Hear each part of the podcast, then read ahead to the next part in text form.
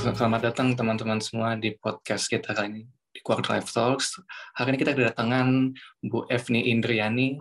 Bu Evni itu udah expert banget nih di bidang psikologi, dosen juga dan pastinya Bu Evni itu pernah menulis buku ini tentang judulnya Survive Menghadapi Quarter Life Crisis. Nah, untung buat Bu Evni boleh perkenalan dulu buat teman-teman Quarterians sekalian. Oke, okay, hai. Salam kenal semua teman-teman di Quarter Life. Perkenalkan, saya Evni Indriani. Sehari-hari saya berperan sebagai akademisi, praktisi juga di bidang psikologi, sebagai psychologist, melakukan serangkaian aktivitas yang lainnya, dan juga menjadi seorang ibu. Kurang lebih sih secara sederhana itu aktivitasku, ya. Oke, terima kasih Bu Evni. Jadi, Bu Evni itu inti pada dasarnya itu disebut seorang dosen atau psikologis bisa kita panggil? Oke, okay. uh, eh, dosen iya, karena saya berperan sebagai akademisi di kampus, sebagai psikologis iya juga, karena saya sebagai praktisi dan saya praktek di salah satu hospital di Bandung. Gitu sih. Juga ada prakteknya juga ya? Nggak iya, sekedar... saya praktek. Enggak. Tidak sekedar akademisi ya, jadi saya menangani sejumlah klien atau pasien ketika saya praktek di hospital. Oh, menarik ya. Dan kalau boleh tahu, apa yang Ibu pikir saat pada akhirnya Ibu memilih untuk menulis buku Survive Menghadapi Quarter Life Crisis? Yang aku yakin ini, buku ini menolong banyak orang banget. Aku aja baru baca dua kali, udah langsung kayak, wah, bagus banget di buku. Kenapa nggak dari dulu belinya baru sekali?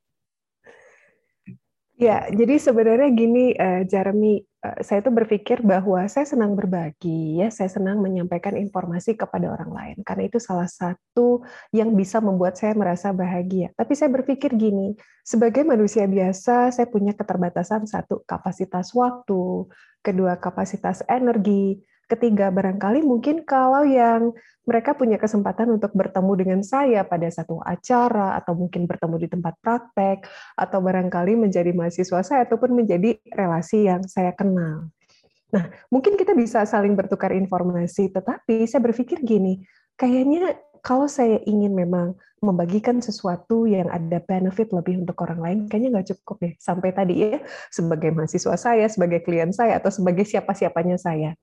Akhirnya, saya uh, terdorong untuk menulis sebuah buku, dan saya mulai berpikir, kira-kira siapa yang perlu saya bekali nih dengan informasi sederhana yang saya ketahui dari mindset saya, uh, apakah mereka itu para ibu, karena saya juga seorang ibu, apakah para remaja atau barangkali mungkin uh, mereka yang menghadapi dunia kerja berkaitan dengan challenge atau tantangan ya ketika menghadapi dunia kerja.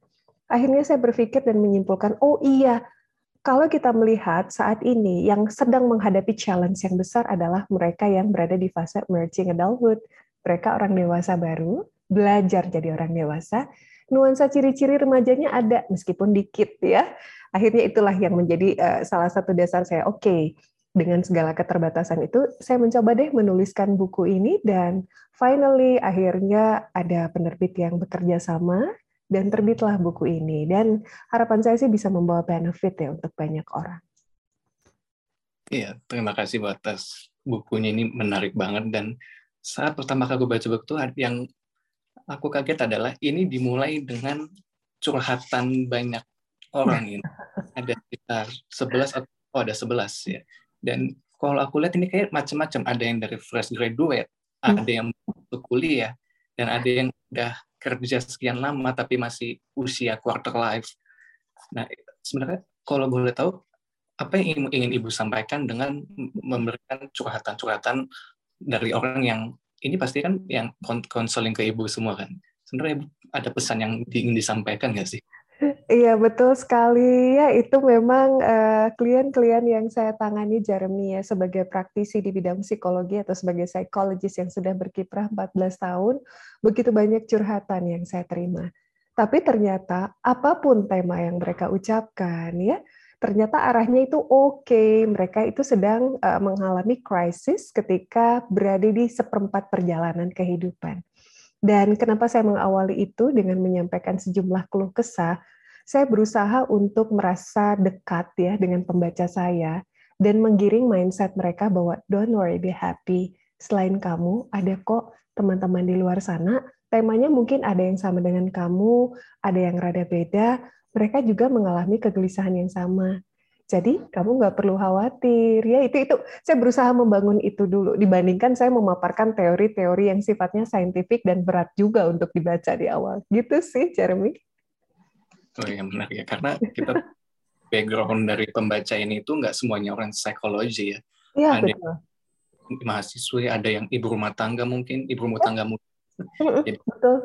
awal dengan berbagai macam insight dari berbagai macam kalangan ya sehingga tahu dulu oh ini tuh yang ingin disampaikan gitu loh. Ini tuh kalau kesah dari para bisa konselor yang pada akhirnya menginspirasi buku ini ya. juga seperti itu ya. Iya, betul sekali ya. Jadi saya bisa menulis apa yang dibutuhkan karena berawal dari pengalaman saya selama belasan tahun itu menghadapi oh ini toh yang mostly jadi tema yang uh, menjadi kegelisahan khususnya para dewasa muda pada umumnya. Gitu sekarang kita masuk ke inti pembicaraan aja, Bu. Nah, okay. jadi, uh, banyak yang mempertanyakan quarter life crisis, tapi masih bingung quarter life itu apa? Nggak usah pakai krisisnya dulu. dan di sini di buku ini udah dijelasin secara terperinci ya, dan mungkin Bu F ini ingin menyampaikan sedikit mungkin sinopsis dari bab ini. Oke, okay, uh, uh, eh, Sederhananya begini, quarter life itu adalah sebuah fase yang akan dilewati seluruh manusia dalam kehidupan, oke? Okay? Dan fase quarter life itu memang merupakan transisi dari remaja akhir menuju ke dewasa muda. Nah, apa pun yang terjadi, karena yang namanya hidup, setiap transisi itu pasti akan ada situasi-situasi yang dihayati Ya, jadi makanya memang pada quarter life ini semua orang akan melewati transisi ketika dia berperan menjadi seorang remaja, dia beres masa remajanya, dia berawal menjadi orang dewasa baru. Dan kenapa dia bisa berawal dari uh, remaja akhir menjadi dewasa baru? Ini bukan sekedar happy birthday, dia ulang tahun, dia nambah umur, tidak. Tetapi memang ada proses yang terjadi secara alamiah, yaitu pematangan fungsi kerja otak di mana seorang remaja sebelum memasuki fase quarter life, mereka mau melakukan apa aja, nggak pikir panjang, nggak pernah khawatir, ya resiko gimana nanti yang penting saya lakukan dulu. Tapi ketika sudah masuk di quarter life, uh, situasi yang mereka hadapi dan proses berpikirnya tidak sama seperti dulu. Nah, jadi apa yang terjadi? Ada pematangan fungsi kerja otak yang terjadi secara alamiah. Gitu. Jadi ini kita juga membahas tentang fungsi kerja otak yang emang saat memasuki dewasa baru itu emang banyak hal-hal yang sebenarnya terjadi secara tidak sadar ya. Dan mungkin akan disadari saat masuk ke usia dewasa remaja atau sekitar 17 atau 18 ya. Iya, betul. Ya, karena jujur saya anak kimia, jadi saya juga belajar sedikit tentang fungsi kerja otak dan metabolisme tubuh, jadi saya sedikit relate dikit. Oke, asik ya. Memang kan kalau biologi molekuler, karena saya juga di sini kan konsentrasi saya di biopsychology, kenapa saya makanya banyak bercerita tentang hal-hal yang berkaitan dengan fungsi tubuh manusia, karena manusia itu merupakan eh, kategori yang sifatnya menyeluruh, terintegrasi menjadi satu. Kita bicara tentang the mind, apa yang difikirkan, ya proses berpikir manusia, kita bicara juga tentang body, seperti apa fungsi-fungsi fisiologis mempengaruhi kehidupan kita. Kita bicara juga tentang soul, kita bicara tentang spirituality dan meaning of life. Jadi pakai three in one nih kalau ngomongin manusia ya. Ya, itu nanti akan kita bahas sebentar lagi tentang mind, body, and soul. Tapi mungkin kita bahas sedikit tentang quarter life ya. Jadi ini di buku ibu itu ada yang menarik yaitu adalah ada ini ibu itu memasukkan beberapa penelitian-penelitian yang cukup relevan dan sangat kalau saya bilang itu um, menjadi bahan tambahan dari buku ini. Dan saya dapat itu adalah tentang soft skill yang dimiliki seseorang itu pada akhirnya menentukan fase quarter life mereka. Bagaimana mereka menyikapi keadaan yang datang masalah yang ada atau sekedar mood yang mereka miliki ini sendiri di sini ditulis ada seperti leadership, empati, teamwork itu adalah sesuatu hal yang pada dasarnya harusnya dimiliki manusia dan tidak akan digantikan oleh tenaga lain seperti robot. Jadi itu adalah hal yang selalu harus dibangun. Nah, pandangan ibu sendiri tentang soft skill ini, yang mungkin nggak semua orang itu mendevelop itu secara menyeluruh, sehingga saat memasuki quarter life itu, mereka bisa dibilang tidak siap atau kurang siap masuk ke fase ini. Ya, betul sekali Jeremy. Karena gini, sering kali kadang-kadang uh, situasi yang kita hadapi dalam hidup ya, ini saya amati pada umumnya orang-orang kadang-kadang sibuk uh, berfokus pada meningkatkan kapasitas kognisi. Oke, okay? Uh, kognisi yang sifatnya knowledge, pengetahuan. Oke, okay, aku bisa uh, mengetahui ini loh, aku bisa mengetahui itu loh. Eh, dan lo tahu nggak gitu ya? Aku tuh kalau untuk menyelesaikan soal gitu ya, uh, itu tuh bisa cepat sekali. Jadi hal-hal yang sifatnya berkaitan dengan pengetahuan. Nah, itu penting nggak? Penting sekali, karena pengetahuan itu menjadi dasar dari munculnya segala sesuatu, ya apakah itu teknologi dan lain-lain. Tetapi ada hal lain juga yang penting untuk kita rasakan, bahwa sekedar pengetahuan dari sisi kognisi itu tidaklah cukup. Kenapa? Karena pada dasarnya manusia itu memang ditakdirkan ketika menjalani kehidupan, dia akan bekerja sama dengan orang lain sebagus apa pun kognisi yang dia miliki, tetapi fungsi-fungsi kepribadian dan karakternya tidak dikembangkan dengan baik, mungkin dia akan sulit untuk mencari partner yang bisa bekerja sama dengan dia. Apakah ada pekerjaan yang bisa dikerjakan sendirian saja? Tentu tidak ada. Tidak ada di dunia ini. Dan itulah yang menjadi dasar mengapa bahwa kapasitas dari kepribadian yang berbicara tentang leadership ya leadership itu nggak bicara sekedar dominan loh oke okay, seorang Evni misalnya ceritanya punya leadership bisa mengatur ini dan itu emang semua orang mau diperintah sama saya kan tidak ya tetapi berarti leadership yang seperti apa di sini? Leadership yang siap untuk bekerja sama dan dia juga memiliki empati. Siap bekerja sama artinya siap untuk membuka diri, membuka hati terhadap berbagai masukan, kritik, saran, dan hal-hal yang sifatnya uh, positif dari orang-orang di sekitarnya. Dan yang terpenting, dia harus punya empati. Karena kalau segala sesuatu dikerjakan dengan hati, segala sesuatu akan menjadi lebih ringan.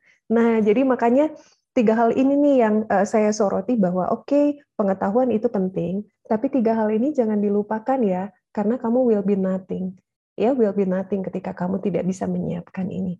Dan menyiapkan ini butuh proses panjang. Kalau pengetahuan itu bisa di drill, oke? Okay? Tapi kalau kapasitas kepribadian it take a long process. Gitu sih. Dan mungkin bisa dibilang itu proses yang akan memakan waktu seumur hidup ya. Karena yeah. kita mendevelop diri kita sendiri. Benar banget tadi aku setuju banget sama Bu Evni kalau kognitif itu bisa kita dapat cuma-cuma tinggal ikut kursus-kursus atau ikut kelas-kelas itu bisa banget. Tapi kalau untuk soft skill kayak empati itu dibutuhkan kemauan dari dalam diri yang belum tentu semua orang itu punya atau mau berusaha lebih untuk memiliki rasa itu. Oke, Bu Evni. Jadi sekarang kita masuk ke quarter life crisis. Banyak survei yang aku yang saya baca, mereka mempertanyakan apakah semua uh, orang yang berada di usia quarter life akan menghadapi quarter life crisis atau ini sebenarnya bisa dibilang apa ya? pilihan hidup dia masuk dalam quarter life crisis ini sendiri. Jadi gini, quarter life itu sudah ada dari dahulu kala sejujurnya, oke? Okay? Kenapa? Karena memang uh, setiap manusia pasti akan melewati transisi dari seorang remaja menjadi orang dewasa muda baru. Nah, sekarang kalau kita lihat nih kayak gini nih, hmm, kalau saat ini yang sedang eksis gitu ya menghadapi quarter life crisis itu mostly adalah para generasi Z. Nah, generasi Z itu yang lahir kurang lebih mulai dari uh, tahun 95 ya sampai dengan tahun 2000-an sekian. Ya, kurang lebih ya mereka lagi di fase quarter life crisis. Jadi Eh, apakah orang-orang generasi Y, para milenial sebelumnya tidak menghadapi quarter life crisis sama? Apakah generasi X sebelumnya menghadapi juga? Ya, sama. Baby boomers juga sama. Cuma istilahnya yang berbeda dan exposure-nya yang berbeda. Kenapa? Karena kalau sekarang kan hidup di era digital. Segala sesuatu itu mudah ditransferkan atau ditransmisikan dari satu orang ke orang lain. Jadi, kalau dulu orang menganggap quarter life crisis itu adalah bicara masa depan okay, konteksnya seperti itu. Tapi kalau untuk generasi Z saat ini, itu sudah lebih advance. Artinya, ini bukan sekedar bicara masa depan. Kamu mulai belajar menemukan siapa dirimu yang sesungguhnya. Apa yang menjadi talent yang perlu kamu kembangkan. Bahkan tidak sedikit juga para generasi yang berada di quarter life saat ini mulai mempertanyakan apa keberadaan makna hidupku. Bahkan kadang-kadang mereka merenung ya, Tuhan, kenapa aku ada? Tapi tantangan hidup aku tuh gini-gini amat loh. Aku ada di dunia ini sebenarnya buat apa sih? Apa yang perlu aku lakukan? Tidak sedikit para generasi muda yang saya temukan mulai muncul pertanyaan seperti itu. Nah, jadi kenapa muncul pertanyaan demikian? Karena memang anatomi dari prefrontal cortexnya sedang mengalami pematangan di fase ini. Jadi sudah mulai ada critical thinking, sudah mulai ada wisdom thinking ya berpikir uh, bijaksana tapi sedikit ya belum perfect karena akan perfect prefrontal cortex itu di usia 40 ya umur 40 tahun. Nah, sudah mulai nih ada pemikiran-pemikiran seperti itu yang tadinya nggak kepikiran. Begitu banyak teater pikiran yang berkecamuk di kepala memicu krisis. Mulai dari siapakah aku, apakah talentku, apa yang harus aku lakukan, ke mana arahku ke depan, apa yang Eh, menjadi eh, pegangan dalam hidupku. Banyak hal yang difikirkan.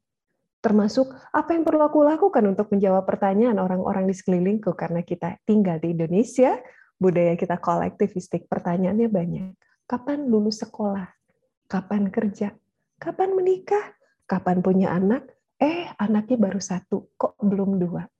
Pertanyaan itu akan terus ada. Semakin krisis ketika berpikir tentang hal itu.